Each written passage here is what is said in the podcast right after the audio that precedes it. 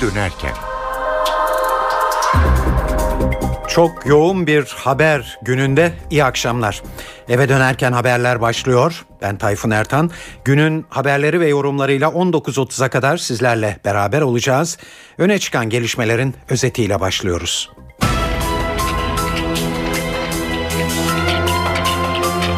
İmralı görüşmelerinin tutanaklarının basına sızdırılması hükümete yakın çevrelerde sabotaj olarak tanımlanıyor.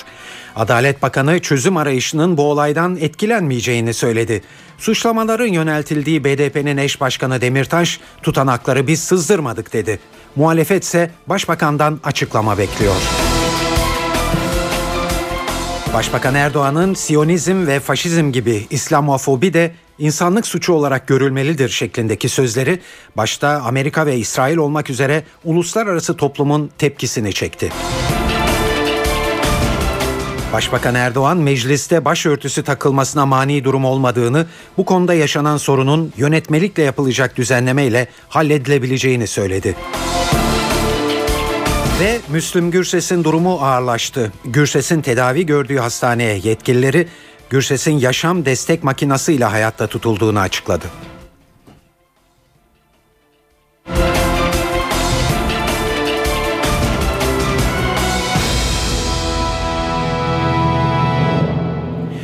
Şimdi ayrıntılara geçiyoruz. İmralı'da BDP heyetiyle Abdullah Öcalan arasında yapılan görüşmenin tutanaklarının basına yansıması deyim yerindeyse deprem etkisi yarattı. Dünden bu yana süreçte gelinen noktadan çok tutanakları kimin sızdırdığı ve bununla neyi amaçladığı konuşuluyor, tartışılıyor. Bunun ikinci bir Oslo vakası olabileceği yönünde yorumlar yapılıyor. Kritik başlıkların ele alındığı görüşmenin ayrıntılarının ifşasıyla acaba süreç dinamitlenmek mi istendi? Güne bu sorularla başlamıştık ve gün boyunca bu ve benzeri sorulara muhataplarından yanıtlar geldi. Şimdi size bunları yansıtacağız. BDP cephesi tutanakları biz sızdırmadık dedi. Hükümet ise sızan bilgilerle sürecin etkilenmeyeceğini söyledi. Girişi Başbakan Erdoğan'ın açıklamasıyla yapıyoruz. Erdoğan doğrudan tutanaklarla ilgili görüş belirtmedi ancak BDP'lilere üstü kapalı bazı uyarılarda bulundu. Başbakan BDP'lilerin çok konuştuğu ve konuştukça hata yaptıkları düşüncesinde. Erdoğan'ın Viyana dönüşü uçakta yaptığı o açıklamayı stüdyomuzda seslendirdik. Çözüm süreci. Yeni anayasa çalışmalarında başlıklardan bir tanesi de bu. Her şey değil. Eğer her şey diye söylersek o yanlış olur. Dikkat ederseniz ben bu alanda çok konuşmak istemiyorum. Ama BDP'liler maalesef ellerine verilen o notlarla ilgili hemen açıklama yaptılar. Yapıyorlar. Çok konuşuyorlar. Konuştukça da hata yapıyorlar. Bu kadar fazla konuşmaya gerek yok. Biz bu zamana kadar konuşmadık. Derdimiz üzüm yemek. Yeter ki huzur gelsin. Bu süreç içerisinde taviz veremeyiz. En ufak bir rehavet bize ağır bedeller ödetebilir. Silahlar bırakılır. Türkiye terk edilirse benim de güvenlik birimlerim operasyonlara nihayet verir.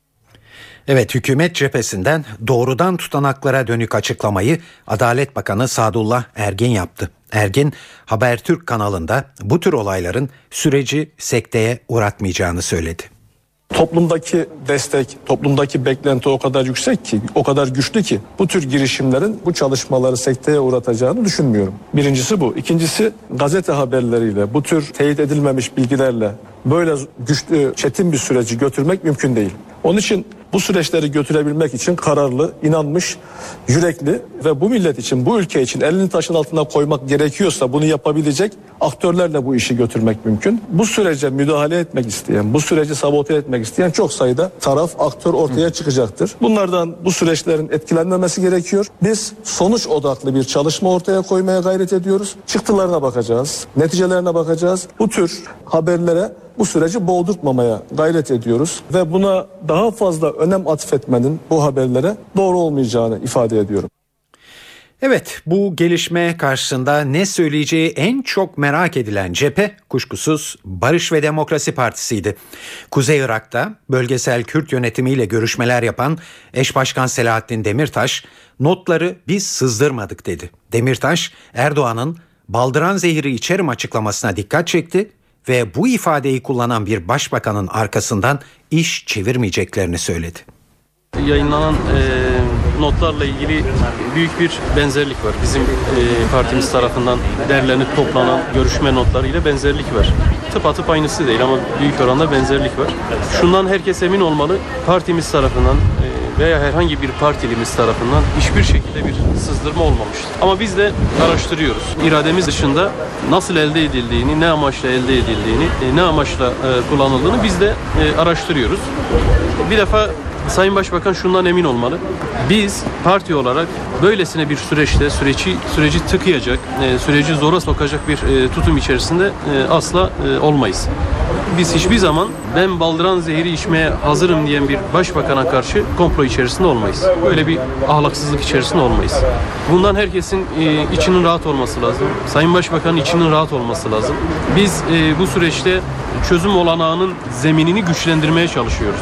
Zora sokacak veya e, tartışmanın önünü kesecek bir tutum içerisinde asla olmayacağız. Ben Sayın Başbakan'a da buradan çağrı yapıyorum. Bunun nasıl elde edildiği meselesini biz de araştıracağız.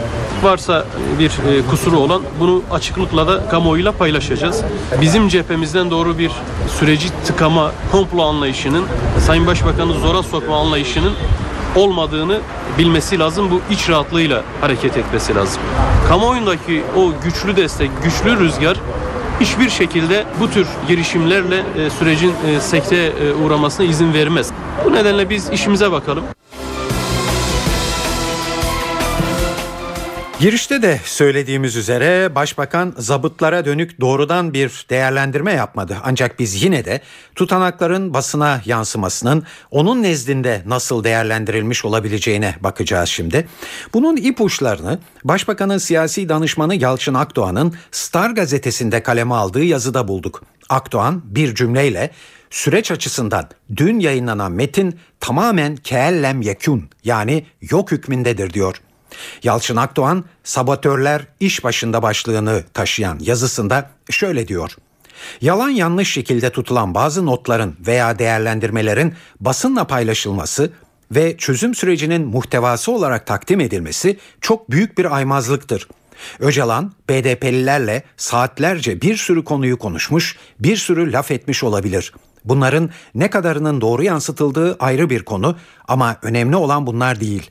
Öcalan'ın hazırlayarak verdiği taslak metin. Öcalan'ın BDP ve Kandil'e sunduğu taslak metinle burada konuşulanlar arasında uçurum olması pekala mümkündür. Böyle bir görüşme notunun basına sızdırılması asıl Öcalan'ın sunduğu metni boşa düşürmekte ve anlamsızlaştırmaya çalışmaktadır. Ayrıca Öcalan'ın BDP'ye sunduğu taslak metin ise devlet tarafından kabul edilmiş falan da değildir. Hatta Öcalan bile bunun bir dayatma metni olmadığını söyleyerek Kandil ve BDP'nin görüşünü beklediğini vurguluyor. Hal böyleyken başka bir muhtevanın çözüm mutabakatı gibi sunulması son derece yanlıştır, açık bir sabotajdır. Aslına bakarsanız BDP ve Kandil'in bu sürece hararetle destek vermediği ve makul bir muhtevada anlaşılmasından rahatsızlık duyduğu izlenimi giderek güçleniyor. Kamuoyunun basında çıkan haberlere aldanmadan çözüm iradesini koruması büyük önem taşıyor. Evet, aynen kelime kelime böyle diyor Başbakanın siyasi danışmanı Yalçın Akdoğan bugünkü yazısında. Şimdi muhalefet cephesinden e, gelen açıklamalara bakacağız. Muhalefet cephesinden eleştiri yağmuru bugün de devam etti. CHP lideri Kemal Kılıçdaroğlu tutanakların basına sızdırılmış olması ile ilgili olarak Başbakan Erdoğan'ın bir açıklama yapması ve kamuoyunu bilgilendirmesi gerektiğini söyledi. Masanın bir ucunda Abdullah Öcalan var, öbür ucunda da Recep Tayyip Erdoğan var. Ortaklardan birisinin görüşleri medyaya yansıdı. Dolayısıyla ortağın bu kez diğer tarafının açıklama yapması lazım. Yani Sayın Erdoğan'ın açıklama yapması lazım. Sayın Erdoğan ne düşünüyor acaba? Kamuoyuyla paylaşmak istemeyebilir. Onu da anlayışla karşılayabiliriz. Ama Türkiye Büyük Millet Meclisi'nde bir gizli oturum yaparak görüşmeleri e, bize aktarmak zorundadır. Evet Kılıçdaroğlu böyle diyordu. MHP Grup Başkan Vekili Oktay Vural, Vural'a göre ise tutanaklar başbakanın bilgisi dahilinde sızdırıldı. Görüşmeyi ayarlayan sizsiniz. Görüşmeye çöp çatanlık yapan sizsiniz. O görüşmelerle ilgili nelerin yazılacağını belirleyen sizsiniz. Tutanak altına alınmasını sağlayan sizsiniz. Şimdi diyorsunuz ki bununla ilgili sabotajdır.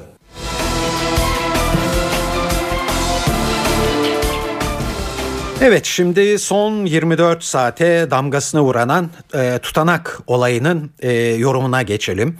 Hürriyet gazetesi yazarı Profesör Hüseyin Yayman'a göre bu açık bir sabotaj. Ancak Yayman BDP'den ve hükümet çevrelerinden gelen açıklamaların bu sabotajın amacına ulaşamadığını gösterdiğini söylüyor.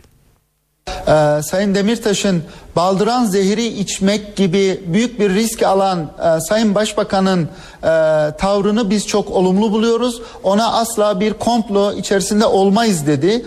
Gerçekten e, ben bunu çok sağduyulu, çok yerinde bir değerlendirme olarak görüyorum. Umarım bu tavır devam eder ve hani kim sızdırdı tabii ki bu önemli. Önümüzdeki günlerde çok somut olarak göreceğiz. E, ve neden sızdırıldı? Aslında neden sızdırıldığı sorusunun cevabı 3 aşağı 5 yukarı belli. Yalçın Akdoğan'ın yazısında da bir kez daha ortaya konuldu ki e, bu süreci sabote etmek, kamuoyunu tahrik etmek ve kamuoyunun tahriki üzerinden bu süreci sonlandırma amacı taşıyor. Çünkü bu sürecin bence hani kamuoyu çok fazla tartışılmadı. Çok fazla bu mesele konuşuluyormuş gibi olsa da ben bu meselenin özellikle İmralı çözüm sürecinin e, şifrelerinin ya da e, parametrelerinin çok konuşulmadığını düşünüyorum. Bu noktada e, son tahlilde Sayın Başbakan'ın değerlendirmesinin çok önemli olduğunu düşünüyorum. Hem Yalçın Akdoğan Bey'in değerlendirmesinde hem hükümet çevrelerinden yapılan açıklamalarda gerçekten bir ihtiyatlı dilin olayı anlamaya, çözümlemeye yönelik bir tavrın olduğu e, ve bu e, tutanakları yayınlayanların bekledikleri reaksiyonun verilemeyeceği, verilmeyeceği yönünde bir algı var ama bunu ilerleyen zamanlarda daha somut olarak göreceğiz. TEPAV'dan araştırmacı Nihat Ali Özcan ise daha farklı bir bakış getiriyor. Bu tutanak olayının tarafların düşüncelerini ve düşünme şekillerini anlamak açısından yardımcı olacağını söylüyor ve kamuoyunda uzun bir süre daha konuşulacağını belirtiyor. Ortaya koyulan mesele bize iki tane konuyu hatırlatıyor. Bunlardan bir tanesi tabii ki Cumhuriyet hükümetinin, mevcut hükümetin bu meselede öncelikleri ve ortaya koyduğu yol haritasını anlamamıza dair çok önemli ipuçları var. Öbür taraftan da Öcalan'ın meseleyi nasıl anladığı ve nasıl e, bir e, yöntem izlenmesi konusunda zihin dünyasının nasıl şekillendiğine dair bize önemli ipuçları veriyor. Şimdi bu aslında Öcalan'ın kapasitesini, yeteneklerini, bu konudaki e, önceliklerini ve dünyayı okuma biçimini de ortaya koyuyor. Yani onların içerisinde bazen inanılmaz şok edici e, böyle bir takım e, şey yüzeysellikle izah edilecek veriler de var. Ama öbür tarafta perdelenmiş bazı ciddi anlamda analizler de var. Dolayısıyla bunu tartışmaya devam edeceğiz. Anlaşılan önümüzdeki süreçte de devam edeceğiz. Şimdi bu işleyen prosedür gereği ellerinde birkaç tane mektup yol haritası var. Onları gittiler. Şimdi e, BDP'liler büyük ihtimalle PKK'nın askeri kanadını oluşturan e, şeylerle, unsurlarla bu konuyu müzakere edecekler. Onlardan bir takım e, şeyler aldıktan sonra geri besleme ya da bu konuları tartıştıktan sonra eğer Öcalan'ın istediği gibi süreç işlerse bir metin İmralı'ya gidecek. Daha sonraki meselede de görüşmeler devam edecek. Dolayısıyla da bu mesele de Türk kamuoyunda tartışılmaya önümüzdeki süreçte de devam edecek gibi gözüküyor.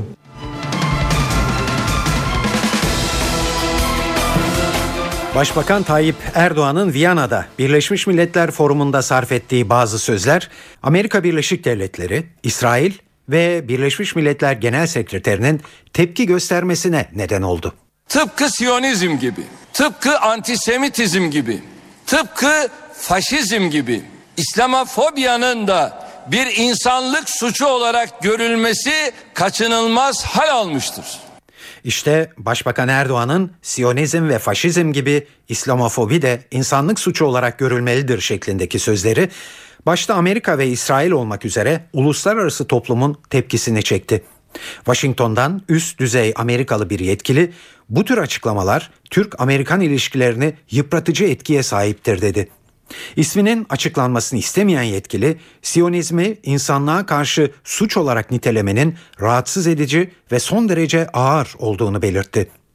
Amerikan Dışişleri Bakanı John Kerry'nin ziyaretinde de konu gündeme geldi. Kerry, mevkidaşı Ahmet Davutoğlu ile yaptığı ortak basın toplantısında Ankara'da bu sözlerle aynı fikirde değiliz ve karşı çıkıyoruz dedi. Konuda bazı fikir ayrılıkları var. Sözler ve bunların etkileriyle ilgili farklı bakış açılarımız var ve Dışişleri Bakanı ve ben çok doğrudan ve net bir konuşma içindeydik bu konuda.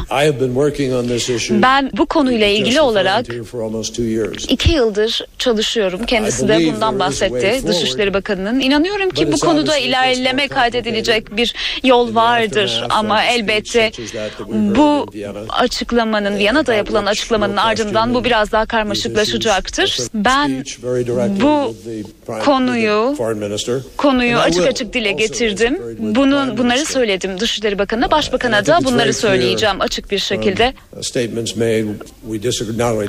Açıkça görünüyor ki biz bununla aynı fikirde değiliz. Bu fikre karşı çıkıyoruz. Türkiye ve İsrail çok hayati müttefiklerdir. Amerika Birleşik Devletleri'nin çok önemli müttefikleridir ve biz her ikisinin de birlikte çalışmasını ve bu retoriğin, bu anlayışın dışına çıkmasını istiyoruz. Aynı zamanda bu ilişkiyi değiştirmek için somut adımlar atılmasını istiyoruz. Bence bu mümkün. Evet, e, Amerika'nın e, yeni Dışişleri Bakanı John Kerry Türkiye'ye yaptığı daha ilk ziyarette e, bu ifadeleri kullanıyordu. Dışişleri Bakanı Ahmet Davutoğlu ise Başbakanın tepki toplayan açıklamasına ilişkin olarak biz her türlü ırkçılığa karşı çıkarız. Ancak İsrail Türkiye'den olumlu açıklamalar bekliyorsa tutumunu gözden geçirmelidir değerlendirmesini yaptı. Biz hiçbir zaman hiçbir şekilde hiçbir ülkeye ve millete dönük düşmanca açıklamalarda bulunmadık. Ama eğer düşmanca bir uygulamadan bahsetmek gerekirse açık denizlerde 9 sivil vatandaşımızı onların hiçbir hukukunu ihlal etmedikleri halde hunharca katleden İsrail'in tutumuna düşmanca denebilir. Bütün buna rağmen biz her zaman İsrail'e bu tutumunu düzeltme imkanı verdik. Tutumunu düzeltmek yerine son iki buçuk üç yıl içinde eski tutumlarında ısrar ederek gösterdikleri düşmanca tavrı meşrulaştırmaya çalıştılar. Hiçbir açıklama bir insanın kanından daha yüksek bir bedel taşımaz. Her zaman antisemitizme karşı çıktığımızı za bütün tarih şahittir. Bugün de biz antisemitizme en gür sesle karşı çıkan ülkelerin başında geliyoruz. Her tür ırkçılığa karşı çıkan ülkelerin başında geliyoruz. Ve bu tutumumuza da sürdüreceğiz. İsrail eğer Türkiye'den olumlu açıklamalar duymak istiyorsa tutumunu gözden geçirmelidir. Hem bize dönük tutumunu hem de başta Batı Şeria'daki yerleşimler sorunu olmak üzere bölge halklarına karşı olan tutumunu gözden geçirmelidir. Evet Başbakanın açıklamalarına yönelik tepkilere dönersek Birleşmiş Milletler Genel Sekreteri Ban Ki-moon da e, Erdoğan'ın açıklamasını kendi ifadesiyle acı verici ve ayrımcı olarak yorumladı. İsrail Başbakanı Benjamin Netanyahu ise Türk Başbakanı'nın Siyonizmle faşizm arasında bağlantı kurmasını şiddetle kınıyorum. Bu tür karanlık ve yanlış ifadelerin geçmişte kaldığını sanıyordum dedi. Avrupa Hahamlar Başkanı Pinchas Goldschmidt de Erdoğan'ın açıklamalarını kendi ifadesiyle yine gözü görmez ve nefret yüklü bir saldırı olarak niteledi. Bu konuda bir dipnot aktaralım sizlere. Bilgi notu Birleşmiş Milletler Genel Kurulu 1975 yılının Kasım ayında 3379 nolu bir karar aldı. Bu kararda Siyonizm bir çeşit ırkçılık olarak tanımlandı. Ancak aynı genel kurum 1991 yılında bir önceki kararı yani Siyonizmin ırkçılık olduğu yönündeki kararı feshetti.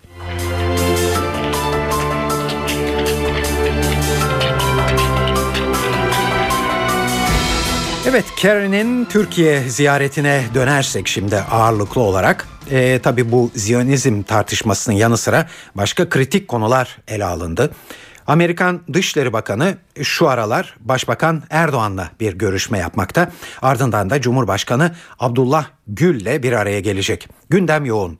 İki ülke arasındaki ilişkilerde ciddi bir sıkıntı ve ciddi bir anlaşmazlık yok. Ama bölge ülkeleriyle Türkiye arasındaki ilişkiler, Amerika ile Türkiye arasındaki ilişkilerde de bazı sıkıntılar yaratabiliyor. Taraf gazetesi yazarlarından Semih İdiz'e bu sorunlu konuların neler olduğunu sorduk. Ee, örneğin Suriye krizinin nasıl sonuçlanması konusunda tam bir mutabakat yok şu anda. Amerika daha çok bir diplomatik çözüme doğru gidiyor. Ee, muhalefetin silahlandırılmasına karşı Türkiye'nin beklediği daha aktif bir müdahale. Amerika ve NATO bu konuda değiller, bu e, yaklaşımda değiller. E, daha çok son dönemde işte biraz da dolaylı olarak Rusya ile yapılan koordinasyon sayesinde diplomatik bir çözüme doğru itiyorlar bunu. Ki Türkiye'nin istemediği bu. Çünkü diplomatik çözüm demek Esad'ın bir şekilde e, arka ortada odada bile olsa kalması anlamına geliyor. Suriye'deki muhalefet içindeki güçler konusunda görüş ayrılıkları var. Türkiye El Nusra denen örgüte yakın duruyor. Oysa bu örgüt Amerika tarafından e, terörist ilan edilmiş bulunuyor ve Avrupa'da da büyük huzursuzluk var bu örgütten ilgili olarak ve benim aldığım istihbarata göre önümüzdeki dönemde Avrupa'da bu örgütü yasaklayabilir. Oysa Türkiye bunu e, Suriye yönetimine karşı çok e, etkin bir güç olarak görüyor. Meselelerin daha çok Suriye ve hatta işte bu şimdi dün birdenbire tekrar bozulan İsrail e, Türk ilişkilerinin atmosferi üzerinde yoğunlaşacağını düşünüyorum. Kerry bölgeyi ve Türkiye'yi ve Türkiye'nin e, kapasitesini ve potansiyelini çok iyi bilen bir ülke olarak vereceği temel mesaj e, şu olacaktır. İsrail'le ilişkilerinizi düzeltebilirseniz pragmatik nedenlerden yani büyük aşk ve büyük sevgiye ihtiyaç yok. Türkiye'nin bölgedeki profili yükselecektir. E, çünkü her tarafla konuşabilen bir ülke olarak yapabilecekleri daha fazla olacaktır. Öyle tahmin ediyorum ki Amerikan tarafı bu kanaldan Türkiye'nin damarına tabiri caizse girmeye çalışacaktır. Yani bir anlamda pohpohlayarak. İşte demin Suriye'den söz ederken e, Irak bağlamında da Türkiye ile Amerika arasında şu anda sıkıntı yaşanıyor. Biliyorsunuz bundan 2-3 yıl önce Türkiye veya Türkiye'deki bazı kesimler Amerika'yı Irak'ı bölüp bir Kürdistan kurmaya çalışmakla suçlarken şimdi oyun tamamen değişmiş bulunuyor. E, Amerika Türkiye'ye bu Irak Kuzey Irak'la ilişkileriniz Irak'ı bölmeye doğru götürecektir. Bundan sakının. İşte ayrı petrol anlaşmaları imzalamayın şeklinde telkinlerde bulunuyor. E, Türkiye'nin Maliki ile olan bu olumsuz e, ilişkileri de Washington'da hoşnutsuzluk yaratıyor. Çünkü Maliki'yi çok çok sevmese bile Washington sonuçta ondan çalışmayı göze almış ve ondan devam etmeye kararlı görünüyor. Onun için Irak'taki mesele sadece PKK boyutuyla veya e, Kuzey Irak boyutundan değil daha kapsayıcı bir boyuttan ele alınacağını tahmin ediyorum.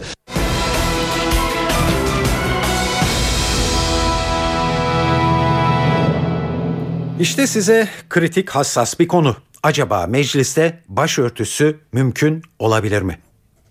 Başbakan Erdoğan verdi bu kritik soruya yanıtı Viyana dönüşünde uçakta başörtülü belediye başkanı veya milletvekili olabilir buna mani bir durum yok dedi. Başbakan bu konuda yaşanan sorunun mevzuatta yapılacak düzenlemeyle halledilebileceğini ifade etti. Başbakanın bu açıklamasını stüdyomuzda seslendirdik. Başörtülü kardeşlerimiz şu an Ziraat Bankası'nda ve Türk Hava Yolları'nda çalışabiliyorlar. Onlara bir heyecan verdik. Her şeyin yeri, zamanı var. Kutlu doğum sancılı olur. 10 yıl oldu biz iktidara geleli ve 10 yıl içerisinde 28 Şubat'tan kalma bazı yasaklar kaldırıldı. Ancak bazı sorunlar oldu. Onlar da yavaş yavaş düzelecek. Bu konuda anayasal bir değişikliğe gerek yok. Oraya gelmeden hallolabilir. Burada zaman ve zemin çok önemli. Belediye başkanı veya milletvekili adayı olmalarına mani bir durum yok. Geçmişte spekülatif bazı şeylerden dolayı sıkıntı oldu. Geçmişte Merve Kavakçı'ya yapılan yasal değildi. Yasal olmayan durumdan fiili durum meydana getirdiler. Anayasamızda başörtüsünü yasaklayan bir düzenleme yok. Anayasayla gelmeyen yasak anayasayla korunmaz. Evet, aynı konuya bugün Başbakan Yardımcısı Bekir Bozdağ da değindi. Bozdağ kendi ifadesiyle sadece uygulamada var olan yasağın zaman içinde ortadan kalkacağını söyledi başörtüsü zulmü ortadan kalktı ve Türkiye pek çok alanda önemli değişimleri yaşadı. Normalleşmeler sağlandı. Şu anda tabii başörtüsü yasağını öngören bir anayasal düzenleme yok. Yasal bir düzenleme de yok. İdari bir takım tasarruflarla ortaya konmuş uygulamalar var. E, tabii bunlar da kabul edilebilir şeyler değil doğru şeyler değil. Eşitlik ilkesine, hukuk devletinin gereklerine, demokrasiye, insan haklarına uygun düzenlemelerde bunlar değil, uygulamalar da değil.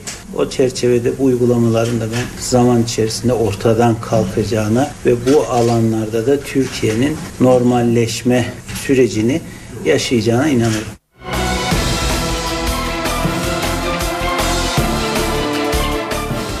NTV Radyo'da eve dönerken haberleri dinliyorsunuz. Saat 18.30. Takatim yok Yine de telefona sarıldım Son bir özür için Tüm sevdiğim kadınlardan Çok mu ayıp Hala mutluluk istemek Neyse zaten hiç halim Müslüm Gürses'in durumu maalesef ağır. Sanatçının hayatını kaybettiği yönünde basında çıkan haberler üzerine doktorlarından bir açıklama geldi bugün. Gürses'in tedavi gördüğü hastanenin kardiyoloji uzmanı Deniz Şener, Gürses'in durumunun iyi olmadığını söyledi. Kaybedebiliriz ancak şu anda makineye bağlı olarak hayatı devam ediyor dedi. Genel durumu iyi değil. İyiye gitmiyor. Uzun süren bir yoğun bakım sürecini beraber yaşadık ve yaşıyoruz da. Halen yoğun bakımda makine desteğiyle birlikte hayatını sürdürmekte. Genel durumu itibariyle iyi değil. Kaybedebiliriz. Ancak şu anda bir beyin ölümü gerçekleşmiş değil. Makinaların desteğiyle hayatı sürmekte. Ancak genel durum itibariyle geçen süreci de düşünürsek durumunun iyi olmadığını ve özellikle son günlerde, haftalarda iyiye gitmediğini görüyoruz. Kaybedebiliriz. Şu anda makinaların desteğiyle hayatını sürdürmekte.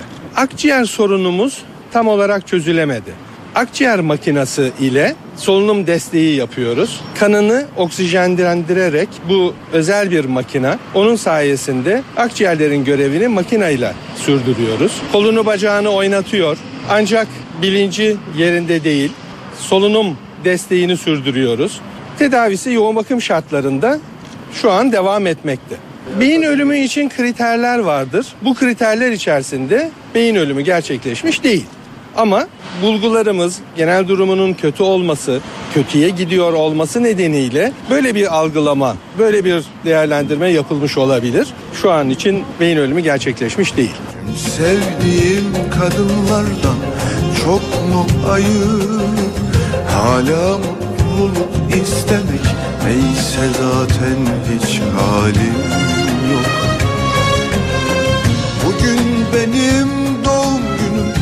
sarhoşum hem yastayım Bir bar taburesi üstünde Babamın öldüğü yaştayım benim Saat 18.33 NTV Radyo'da eve dönerken haberler devam ediyor. Evet Türkiye'nin bir başka önemli sorunu yasa dışı dinlemenin önü alınamıyor. Hemen herkes durumdan şikayetçi ancak bundan nasıl korunulacağı bilinmiyor. Mecliste yasa dışı dinlemeleri araştırmak amacıyla kurulan Böcek Komisyonu TÜBİTAK yetkililerini dinledi. Uzmanlar dinlemekten nasıl korunuruz sorusuna dikkat çekici yanıtlar verdi. TÜBİTAK yetkilileri gelişen teknolojiyle kimse dinlenmeden tam olarak korunamaz dedi.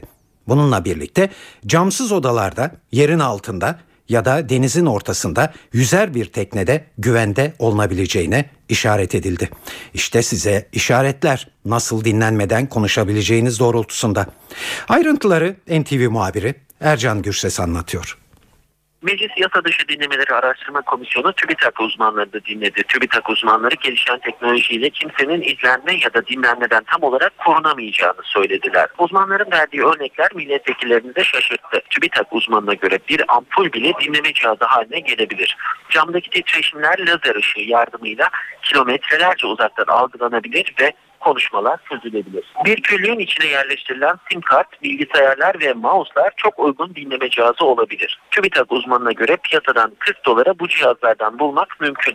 Milletvekilleri dinlemelerden nasıl korunacaklarını da sordular TÜBİTAK uzmanlarına. Uzmanlardan görüşmeleri camsız odalarda yapın, gerekirse yer altına inin, yüzer toplantı odaları olsun, denizin ortasında görüşme yapın yanıtı geldi. Tedbirin inşaat aşamasında alınması gerektiğine dikkat çeken uzmanlara göre bazı büyükelçilikler inşaat kumlarını bile ülkelerinden getiriyor. TÜBİTAK yetkilileri %100 güvenli cep telefonunun olmadığı konusunda da uyarıda bulundular. Ercan Gürses, NTV Radyo Ankara.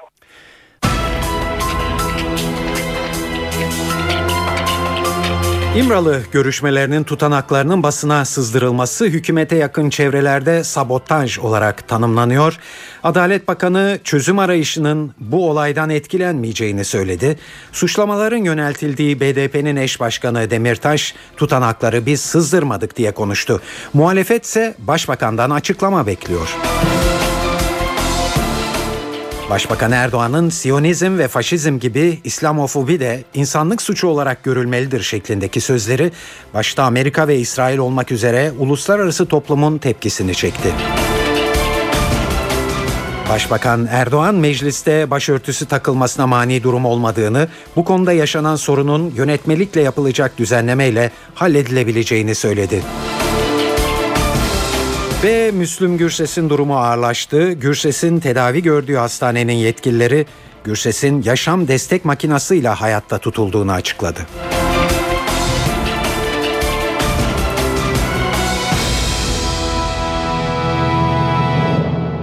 Evet şimdi günün diğer gelişmeleriyle devam ediyoruz ve bu haber özellikle İstanbulluları ilgilendiriyor. İstanbul'da banliyö tren hattının altyapısı Marmara'ya ulumlu uyumlu hale getiriliyor. Bunun için de Sirkeci Halkalı arasındaki tren hattı aşama aşama kapatılıyor. İlk çalışma Halkalı Kazlıçeşme arasında başlatıldı. İki nokta arasında seferler bugün durduruldu. Tabi bu çalışmadan haberi olmayan İstanbullular haftanın son iş gününde sıkıntı da yaşadı. Her gün işe gidip geliyoruz bununla. Nasıl olacak şimdi kaldırıldı? Otobüsle artık gidip geleceğiz. Durumumuz çok zorlandı. Bakalım artık. Felç olacak İstanbul öyle söyleyelim. Metrobüse yoğunluk olacak ve kimse işine gücüne gidemeyecek. Ben Florya'ya nasıl gideceğim acaba? Kim öğrendi? Şimdi az önce. Nereye gidiyorsun? Bir sonraki durağa gitmeye çalışıyorum. Nasıl gideceksin? Hiçbir fikrim yok. Evet işte böyle son saniyede çıkan bir sorun. 6 ay sürecek çalışma sürecince sadece Sirkeci Yedikule hattında tren seferleri yapılacak. Büyükşehir Belediyesi yolcuların mağdur olmaması için Eminönü'nden Halkalı'ya aktarmasız otobüs seferleri işletecek. Topraklarının %66'sı birinci derecede deprem riski altında olan Türkiye'de halk, yöneticiler, mülki amirler kısacası tüm kişi, kurum ve kuruluşlar depreme acaba ne kadar hazırlar? Başbakanlık Afet ve Acil Durum Yönetimi Başkanlığı AFAD içinde bulunduğumuz deprem haftasında bu konuda bilinçlendirmeyi arttırmak için bir dizi etkinlik düzenleyecek. Kurum Başkanı Fuat Oktay bu etkinlikler ve kurumun depreme yönelik çalışmalar hakkında NTV mikrofonlarına şunları anlattı. Bizim asıl arzumuz bilinçlendirmeyi sağlamak. Biz hep şunu söylüyoruz. Bizim ülkemizin yüzde 66'sı birinci ve ikinci derece deprem bölgesi. Yine nüfusun yüzde 70'in üzerindeki bir bölümü risk altında. Ve yine büyük sanayi kuruluşlarımızın yüzde 75'i bu risk altında. Dolayısıyla bize düşen bir görev var. Bununla ilgili bu gerçeği kabul etmek. Deprem olacak mı olmayacak mıdan ziyade evet bu olacaktır. Dolayısıyla biz buna hazır mıyız değil miyiz olayın. Dolayısıyla biz bu bir haftalık süreç boyutunda deprem haftası nedeniyle yoğun bir bilinçlendirme kampanyasına giriyoruz. Bir davranış değişikliğine e, gidelim istiyoruz. Bu da genç nesillerle mümkün. Çocuklarımıza, gençlerimize, bir yetişkinlerimize bir deprem anında nasıl davranması gerektiği ile ilgili davranış biçimlerini öğretiyoruz. Türkiye'nin bütün bakanlıklarının bütün kurum ve kuruluşlarının, bütün belediyelerinin hatta özel sektörün ve STK'ların bir bütün içerisinde bir bütün olarak afete müdahalesini sağlayacak bir plan çalışmamız var. Çok yoğun devam ediyor ve kısmet olursa hemen hemen son ayına girdik diye düşünüyoruz. Bakanlıklarla ilgili çalışmanın illerle ilgili de kısmı ile birlikte yine bunu yani Nisan Mayıs gibi bitiririz diye ümit ediyoruz. Çok yoğun bir çalışma. Bunu yapabilirsek sıfırıncı dakikayı planlamış olacağız. Sıfırıncı dakika şu herhangi bir deprem oldu. Depremin büyüklüğüne göre bizim senaryo çalışmalarımız var. Yıkım analizlerimiz var. Buna göre senaryo A mıdır? Senaryo B midir? 7.2 büyüklüğünde bir deprem oldu. Allah korusun A ilinde diyelim.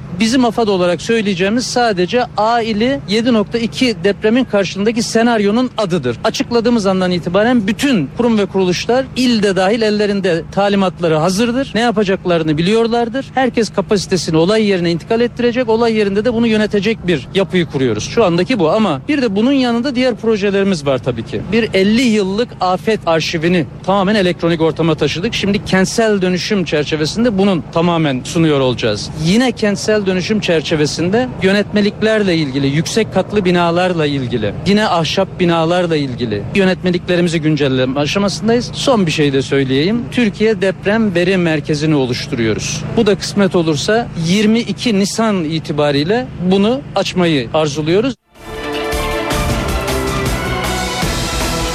NTV Radyo'da eve dönerken haberlere para ve sermaye piyasalarında e, bugün yaşanan gelişmelerle devam ediyoruz. Ayrıntıları CNBC'den Enis Şenerdem'den alıyoruz. Küresel piyasalarda hava bozdu. Washington'da siyasetin gerilmesi borsaları olumsuz etkiliyor. ABD'de bu gece 12'den sonra devreye girecek olan ve kamu harcamalarının bir anda 85 milyar dolar düşürülmesi planlanan otomatik kesintiler konusunda Cumhuriyetçiler ve Demokratlar hala bir anlaşmaya varabilmiş değil. Wall Street güne düşüşle başlarken Avrupa'da da borsaların yönü aşağıya doğruydu. Analistler Amerikalı siyasilerin yine son dakikada da olsa geçici bir çözüm bulmasını ve sorunu ötelemesini ümit ediyor. İMKB'de ise olumlu ayrışma devam ediyor.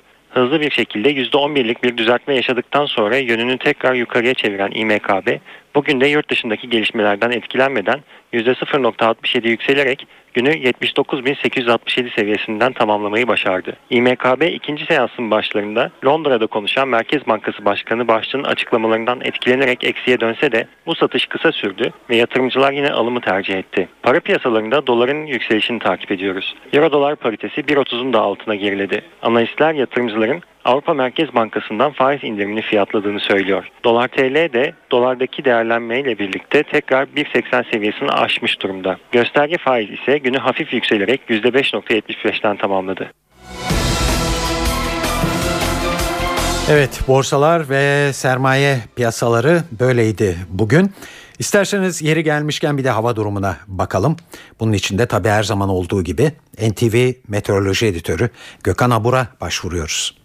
Yarın Akdeniz'i batıda sıcaklıklar 3-4 derece yükselecek ama özellikle pazar günden itibaren önce Trakya'da sonra da kuzey ve iç kesimlerde hızla azalacak. Soğuk havanın önümüzdeki haftanın ilk günlerinde de etkisini sürdürmesini bekliyoruz. Yarın doğuda hafif yağış var. Akşama doğru Kuzey Ege ve Trakya'da artacak bulutlanma hafif yağışlar bırakabilir. İç kesimlerde yer yer yoğun olmak üzere sis ve pusta etkisini sürdürecek. Pazar günü hava yeniden soğuyor. Trakya'da yağış beklemiyoruz ama Marmara'nın güneyi, Batı Karadeniz iç kesimleri, Doğu Karadeniz'de de yağmur, Doğu Anadolu'da ise kar yağış yeniden başlayacak. Pazartesi günü batıda yağış görülmeyecek. Hava soğuk. Doğuda ise kar yağışı aralıklarla etkisini sürdürecek. İstanbul, Ankara, İzmir'e baktığımız zaman İstanbul'da yarın için hava güneşli. Sıcaklıksa 12 dereceye kadar çıkacak ama pazar günü hava kapalı ve soğuyor. Kentin güneyinde yağış görülebilir. Ankara yarın güneşli ve ılık. Sıcaklık 12 derece. Pazar günü zayıf yağmur var. İzmir yarın parçalı bulut. Sıcaklık 15 derece. Pazar günü ise sert poyraz havayı soğutacak.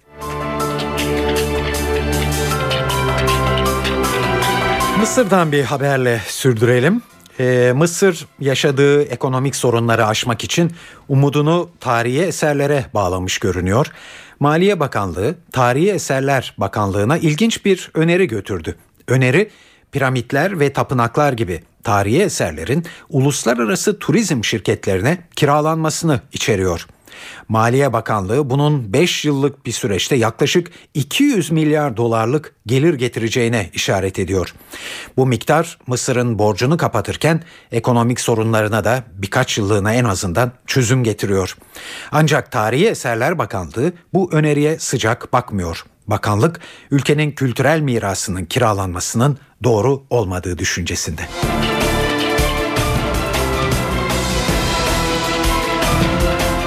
Futbol dünyasından birkaç haber var sırada. Galatasaray Teknik Direktörü Fatih Terim ligdeki 3 maçta takımının başında sahaya çıkamayacak.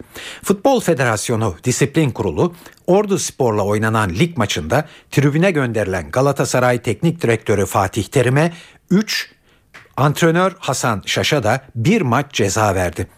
Disiplin Kurulu'nun yaptığı toplantıya katılan Fatih Terim sözlü savunma yaptı. Terim Hakeme küfür etmedim. Maçın tansiyonuyla aslında olmaması gereken bir tepkim söz konusuydu diye konuştu. Daha sonra dosyayı karara bağlayan kurul Fatih Terim'e sportmenliğe aykırı hareketi nedeniyle 3 maç soyunma odasına ve yedek kulübesine giriş yasağı ve 30 bin lirada para cezası verdi. Kuruldan Terim'in geçen sezon hakeme hakaret nedeniyle aldığı ve iki maçlık kısmı ertelenen cezanın da şimdi uygulanabileceği yönünde bir karar çıkmadı. Fatih Terim Galatasaray'ın ligdeki Eskişehirspor, Gençler Birliği ve Kayserispor maçlarında yedek kulübesinde görev yapamayacak. Hemen bir eklemede bulunursak Galatasaray kulübü Fatih Terim ve Hasan Şaş'a verilen cezalar için tahkim kuruluna başvurarak itirazda bulunacak.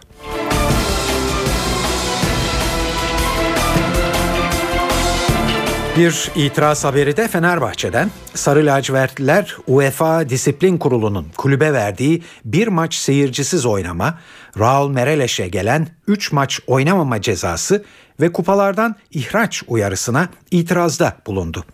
Yönetim hem seyircisiz oynama cezasına yol açan olaylar hem de Mereleş'in kırmızı kartla ilgili video ve fotoğraflarını içeren bir savunma dosyası hazırladı. Fenerbahçe yönetimi bu dosyayı UEFA Tahkim Kurulu'na sunmak için duruşmalı toplantı talebinde de bulundu. Tahkim sarı lacivertlilerin başvurusunu kabul ederse kulübün hukuk işlerinden sorumlu yöneticileri İsviçre'ye gidecek. Yapılacak savunmada cezaların kaldırılması istenecek. Fenerbahçe'nin bu itirazına Spor Bakanlığı da destek verdi. Bakan Suat Kılıç bu süreçte onların yanında olacağız dedi. Bir Türk takımının aldığı ceza nedeni her ne olursa olsun bizi derinden üzer, üzer ve yaralar. Hele ki e, bu maç e, Avrupa Kupaları yolunda kritik bir maçsa ve Avrupa Kupaları yolundaki kritik bir maçı e, kendi sahamızda seyircisiz oynamak mecburiyetinde kalıyorsak bu daha da yaralayıcı, daha da üzücü bir durum. E, Fenerbahçe mücadelesine devam edecektir. Türkiye Futbol Federasyonu Fenerbahçe'nin UEFA nezdindeki girişimlerine destek verecektir. Ve bu anlamda Gençlik ve Spor Bakanlığı olarak biz de bu süreçlerde Fenerbahçe'nin haklarının korunması yönünde yönünde tavrımızı ortaya koyacağız. Bugünden tezi yok. Tüm tarafların gerekirse Spor Genel Müdürlüğümüzün koordinasyonunda bir araya gelmeleri ve 6222 ile uygulanması ile ilgili hassasiyetleri bir daha ve yeniden gözden geçirmeleri lazım. Bir kişinin bir camiayı bu kadar zor durumda bırakmasına hiç kimsenin seyirci kalmaması lazım. Evet saat 18.52 NTV Radyo'da haberleri dinliyorsunuz. Hafta sonunda yeniden El Clasico heyecanı yaşanacak. Real Madrid ile Barcelona İspanya'da Kral Kupası yarı final rövanş maçından sonra bu kez ligde karşı karşıya gelecekler. Ligde Barcelona rakibinin tam 16 puan önünde. Ancak El Clasico'da kendisini kanıtlamaya ihtiyacı olan ekip Katalanlar olacak. Çünkü Şampiyonlar Ligi'nde önce Milan'a 2-0 yenilen, ardından İspanya Kral Kupası yarı final rövanşında evinde Real Madrid'e 3-1 kaybeden Barcelona, futbol severlerin son 5 yıldır görmediği kadar kötü bir performans sergilemekte. Katalan ekibi kanser tedavisi gören teknik direktör Tito Villanova'yı arıyor. Fabregas ve Xavi'nin sakatlıklarının da etkisiyle sert bir forum düşüşüne girmesi, sık sık başka bir gezegenden geldiği söylenen Lionel Messi'nin son maçlarda dünyalı gibi oynaması ve savunmada verilen açıklar Barcelona'nın rüya gibi başlayan sezonunu tehdit ediyor. Son dönemde Barcelona'nın psikolojik üstünlüğünü kıran Real Madrid cephesinde ise akıllar Şampiyonlar Ligi'ndeki Manchester United maçında olacak. Birbirin rövanşında Old Trafford yolculuğu öncesi teknik direktör Jose Mourinho'nun sahaya nasıl bir takım süreceği merakla beklenmekte. Real Madrid'de cezalı Di Mario forma giyemeyecek. Madrid basını maçın adı El Clasico olsa da Mourinho'nun kilit oyuncuları dinlendireceğini yazmaktalar.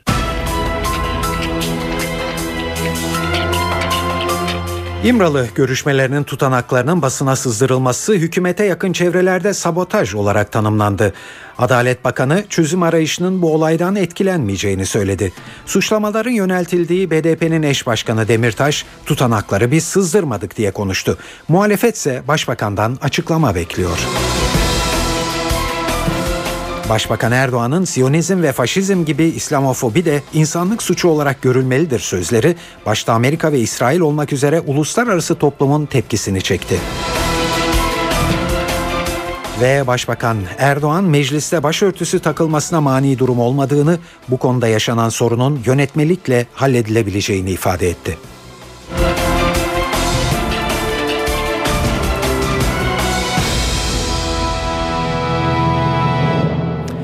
Şimdi ayrıntılar. İmralı'da BDP heyetiyle Abdullah Öcalan arasında hafta sonunda yapılan görüşmenin tutanaklarının basına yansıması deyim yerindeyse deprem etkisi yarattı. Dünden bu yana süreçte gelinen noktadan çok tutanakları kimin sızdırdığı ve bununla neyi amaçladığı konuşuluyor. Bir de tabii çözüm sürecinin bundan etkilenip etkilenmeyeceği kaygıları var. Hükümet cephesinden doğrudan tutanaklara dönük açıklamayı Adalet Bakanı Sadullah Ergin yaptı. Ergin Habertürk kanalında bu tür olayların süreci sekteye uğratmayacağını söyledi. Toplumdaki destek, toplumdaki beklenti o kadar yüksek ki, o kadar güçlü ki bu tür girişimlerin bu çalışmaları sekteye uğratacağını düşünmüyorum. Birincisi bu. İkincisi gazete haberleriyle, bu tür teyit edilmemiş bilgilerle böyle güçlü, çetin bir süreci götürmek mümkün değil. Onun için bu süreçleri götürebilmek için kararlı, inanmış, yürekli ve bu millet için, bu ülke için elini taşın altına koymak gerekiyorsa bunu yapabilecek aktörlerle bu işi götürmek mümkün. Bu sürece müdahale etmek isteyen, bu süreci sabote etmek isteyen çok sayıda taraf, aktör ortaya çıkacaktır. Bunlardan bu süreçlerin etkilenmemesi gerekiyor. Biz sonuç odaklı bir çalışma ortaya koymaya gayret ediyoruz. Çıktılarına bakacağız, neticelerine bakacağız. Bu tür haberlere bu süreci boğdurtmamaya gayret ediyoruz ve buna daha fazla önem atfetmenin bu haberlere doğru olmayacağını ifade ediyorum. Evet bu gelişme karşısında ne söyleyeceği en çok merak edilen cephe kuşkusuz şüphelerin üzerinde toplandığı BDP'ydi. Kuzey Irak'ta bölgesel Kürt yönetimiyle görüşmeler yapan eş başkan Selahattin Demirtaş notları biz sızdırmadık dedi. Demirtaş Erdoğan'ın baldıran zehri içerem açıklamasına dikkat çekti. Bu ifadeyi kullanan bir başbakanın arkasından iş çevirmeyeceklerini söyledi. Yayınlanan e, notlarla ilgili büyük bir benzerlik var. Bizim e, partimiz tarafından derlenip toplanan görüşme notlarıyla benzerlik var. Tıpatıp aynısı değil ama büyük oranda benzerlik var. Şundan herkes emin olmalı. Partimiz tarafından e, veya herhangi bir partilimiz tarafından hiçbir şekilde bir sızdırma olmamıştır. Ama biz de araştırıyoruz. İrademiz dışında nasıl elde edildiğini, ne amaçla elde edildiğini, e, ne amaçla e, kullanıldığını biz de e, araştırıyoruz. Bir defa Sayın Başbakan şundan emin olmalı. Biz parti olarak böylesine bir süreçte süreci süreci tıkayacak, süreci zora sokacak bir tutum içerisinde asla olmayız. Biz hiçbir zaman ben baldıran zehri içmeye hazırım diyen bir başbakana karşı komplo içerisinde olmayız. Böyle bir ahlaksızlık içerisinde olmayız. Bundan herkesin e, içinin rahat olması lazım. Sayın Başbakan'ın içinin rahat olması lazım. Biz e, bu süreçte çözüm olanağının zeminini güçlendirmeye çalışıyoruz. Zora sokacak veya e, tartışmanın önünü kesecek bir tutum içerisinde asla olmayacağız. Ben Sayın Başbakan'a da buradan çağrı yapıyorum. Bunun nasıl elde edildiği meselesini biz de araştıracağız. Varsa bir e, kusuru olan bunu açıklıkla da kamuoyuyla paylaşacağız. Bizim cephemizden doğru bir süreci tıkama, komplo anlayışının, Sayın Başbakan'ı zora sokma anlayışının olmadığını bilmesi lazım. Bu iç rahatlığıyla hareket etmesi lazım. Kamuoyundaki o güçlü destek, güçlü rüzgar hiçbir şekilde bu tür girişimlerle e, sürecin e, sekteye e, uğramasına izin vermez. Bu nedenle biz işimize bakalım. Muhalefet cephesine de bir bakalım aynı konuda. Eleştiri bugün de devam etti. E, CHP lideri Kemal Kılıçdaroğlu tutanakların basına sızdırılmış olmasıyla ilgili olarak Başbakan Erdoğan'ın bir açıklama yapmasını ve kamuoyunu bilgilendirmesini istedi.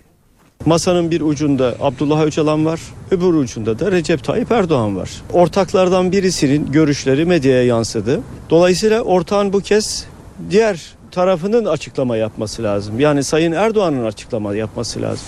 Sayın Erdoğan ne düşünüyor acaba? Kamuoyuyla paylaşmak istemeyebilir. Onu da anlayışla karşılayabiliriz. Ama Türkiye Büyük Millet Meclisi'nde bir gizli oturum yaparak görüşmeleri e, bize aktarmak zorundadır. MHP Grup Başkan Vekili Oktay Vural'a göre ise tutanaklar başbakanın bilgisi dahilinde sızdırıldı. Görüşmeyi ayarlayan sizsiniz. Görüşmeye çöp çatanlık yapan sizsiniz. O görüşmelerle ilgili nelerin yazılacağını belirleyen sizsiniz. Tutanak altına alınmasını sağlayan sizsiniz. Şimdi diyorsunuz ki bununla ilgili sabotajdır.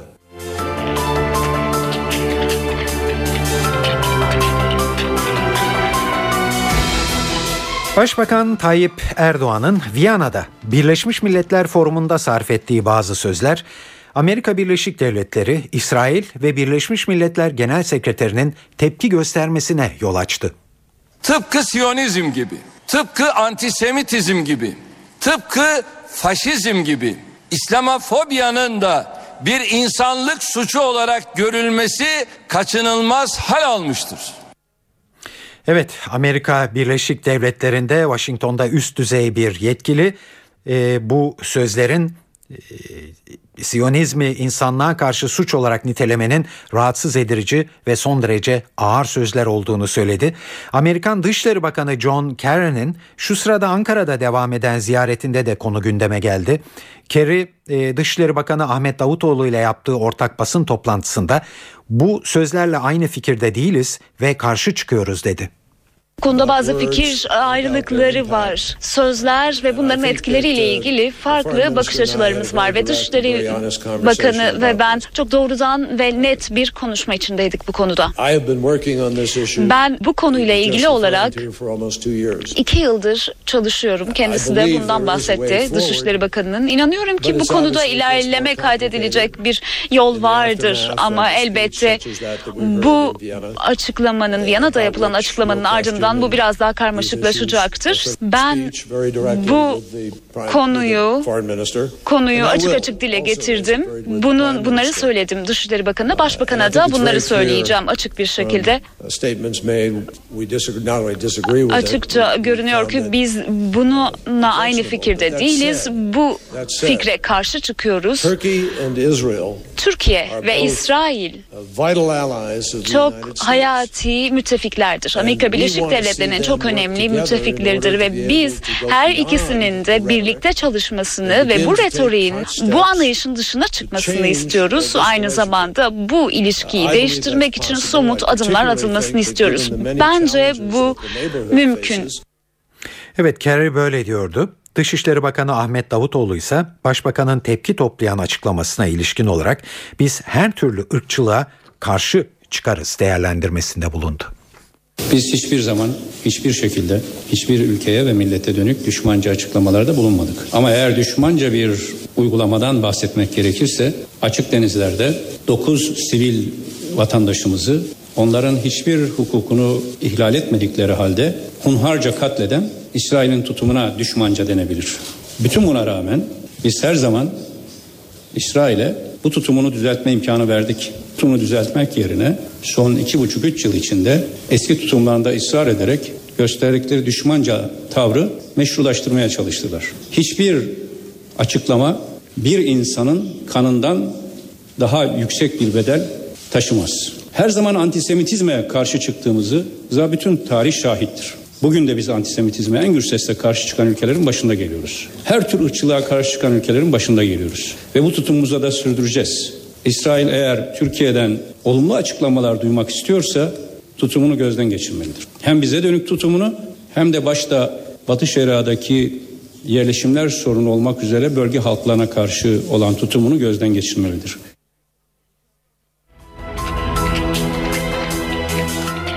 Evet mecliste başörtüsü Türkiye'nin çok tartışılan bir e, konusu biliyorsunuz.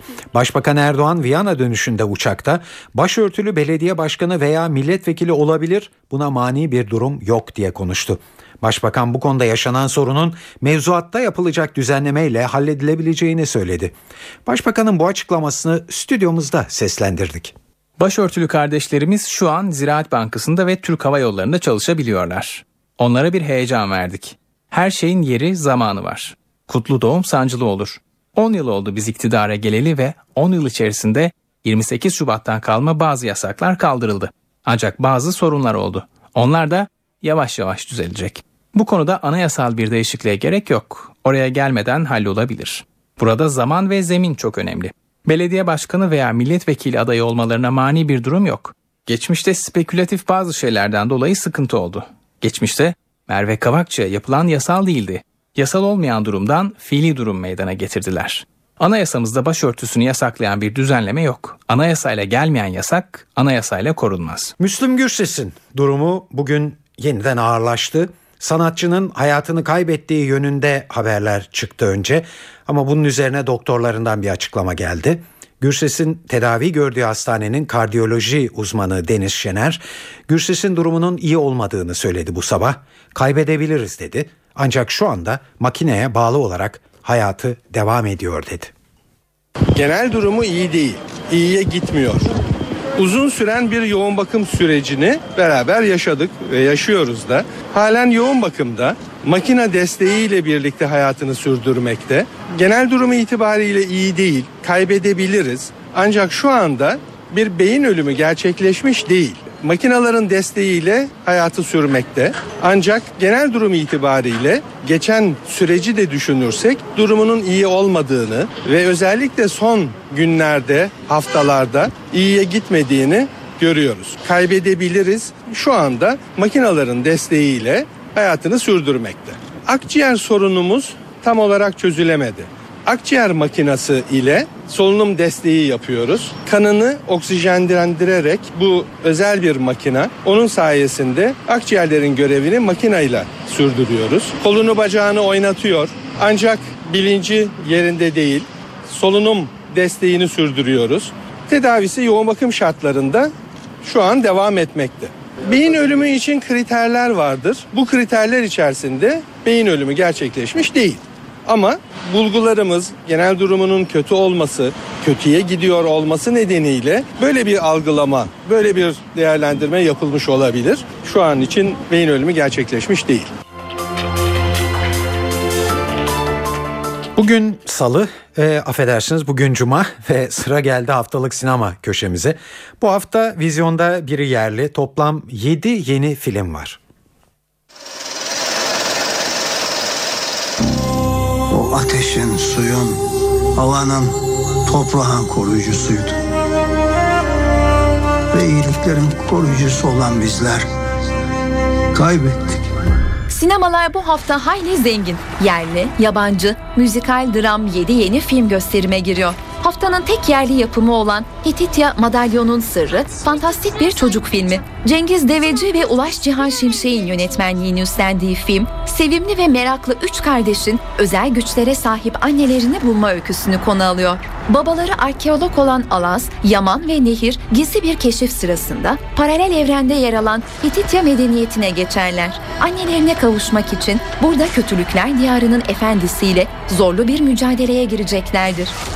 Başrollerini küçük oyuncular Berke Zincidi, Egemen Zincidi, Nehir Çağlaya, Serra Yılmaz, Gürkan Uygun ve Ebru Cündübeyoğlu eşlik ediyor.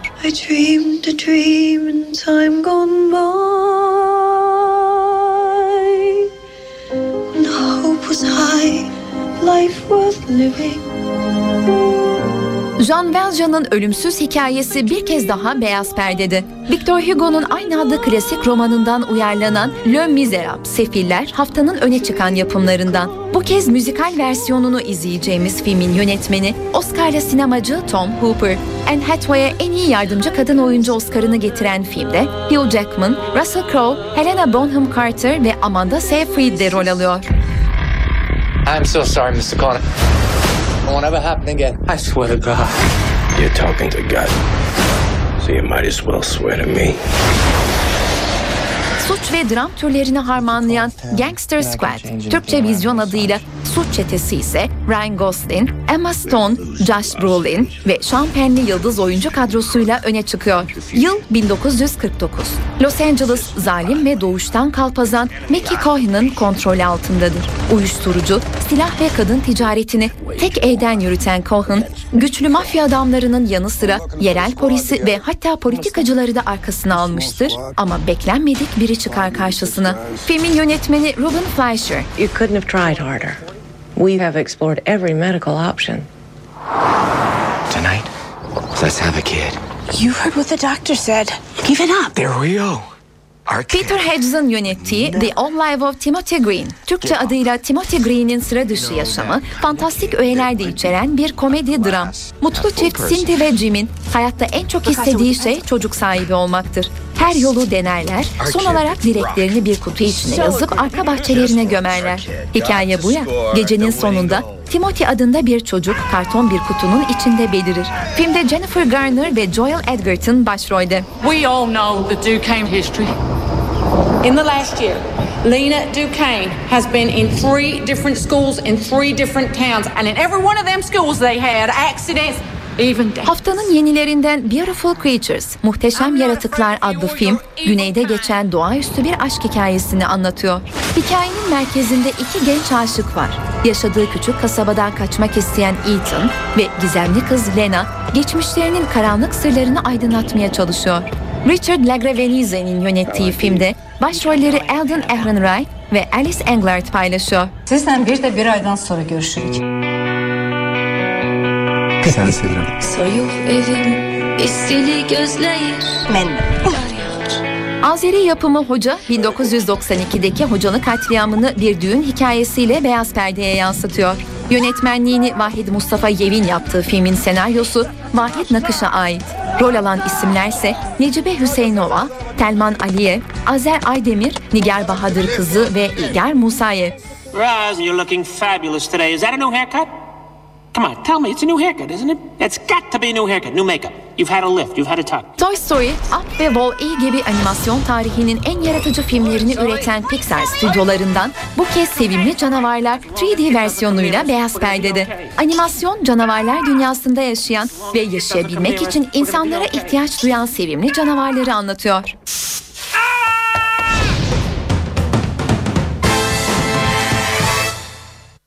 Evet eve dönerken haberler bu akşam da burada sona eriyor. Ee, bu akşam yayınımızın editörlüğünü Sevan Kazancı, stüdyo teknisyenliğini Murat Çelik yaptı. Ben Tayfun Ertan.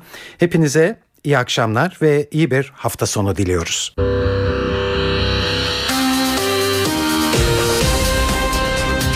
NTV Radyo, Türkiye'nin haber radyosu.